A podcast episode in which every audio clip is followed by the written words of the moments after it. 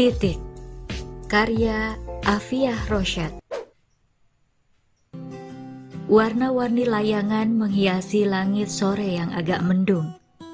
Bisikan angin menambah kesejukan bagi anak-anak yang asyik mengejar layangan putus karena sambetan. Kaki telanjang mereka begitu lincah berloncatan saat ada gundukan tanah di pematang yang dilewati. Badan mereka pun rela terjun ke sungai yang tak dilalui jembatan demi sebuah layang-layang. Netra Amora takjub menyaksikan suguhan pemandangan yang tak pernah ditemuinya di kota. Ada sejumput rasa bahagia yang melingkupi dada Amora. Suasana sore ini sungguh membelai jiwanya mesra. Berbagai beban selama ini seakan dibawa terbang angin, entah ke mana. Amora sungguh bahagia dengan suasana ini.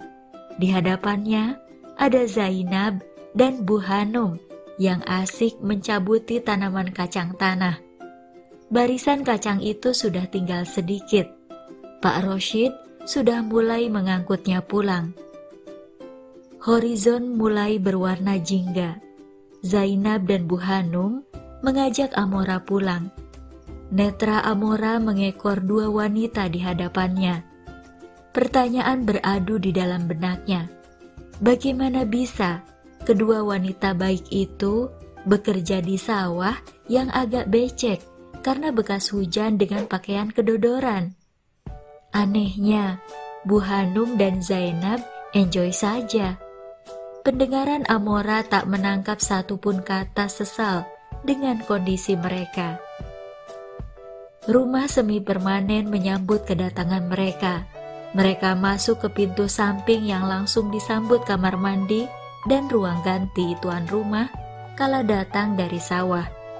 Di sana juga sudah ada kacang yang menggunung. Amora baru memahami kenapa kalau dari sawah tidak lewat dalam rumah. Zainab pernah menyampaikan padanya bahwa di dalam rumah itu suci dan juga ada ruangan yang dipakai untuk sholat. Maka mereka lewat samping agar tidak membawa najis, bukan hanya karena kotor.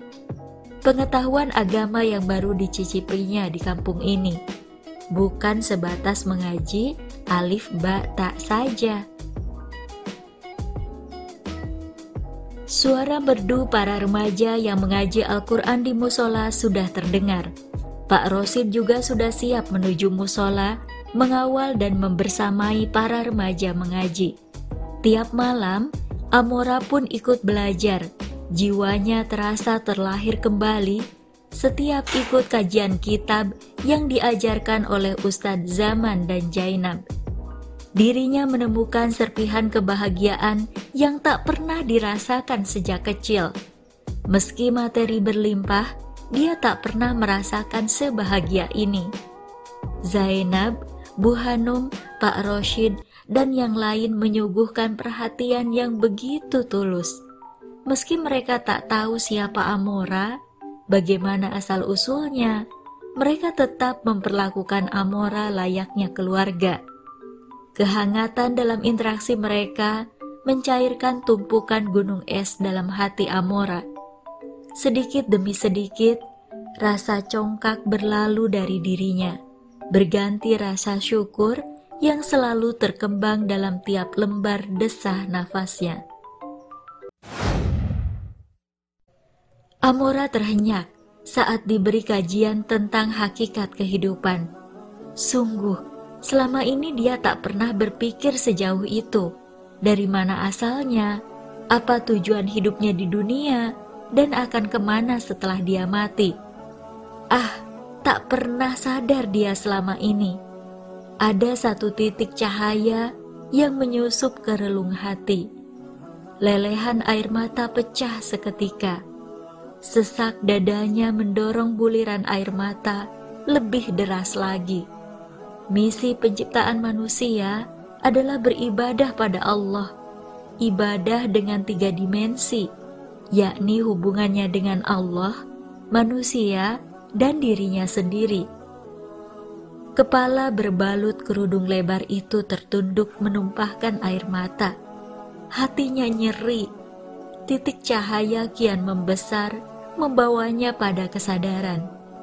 Jangankan hubungan dengan manusia dan dirinya sendiri yang bernilai ibadah, hubungannya dengan Allah saja sudah tak terhitung berapa tahun dia meninggalkannya. Iya, Amora terakhir mengaji dan sholat saat pamannya berkunjung ke rumahnya. Itu pun hanya dua kali saja. Setelah itu, dia dilarang papanya untuk ke musola. Selama ini, beragam kemaksiatan berdansa dengan keringat yang melaju di setiap pori-porinya. Sakau di pinggir jalan pedesaan membuatnya berjumpa dengan Bu Hanum dan Zainab. Merekalah malaikat penolongnya Bersama Zainab, Amora diperlakukan layaknya saudara.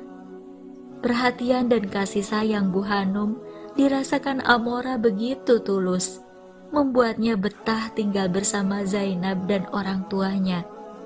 Amora enggan pulang ke kota, apalagi saat dia berkirim kabar, namun tak direspon oleh mamanya yang sedang liburan di Bali.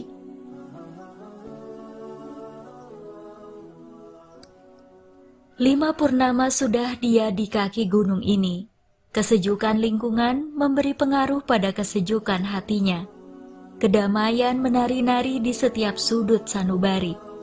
Hatinya telah tertambat kuat dengan kajian Islam. Titik kesadaran menghampirinya.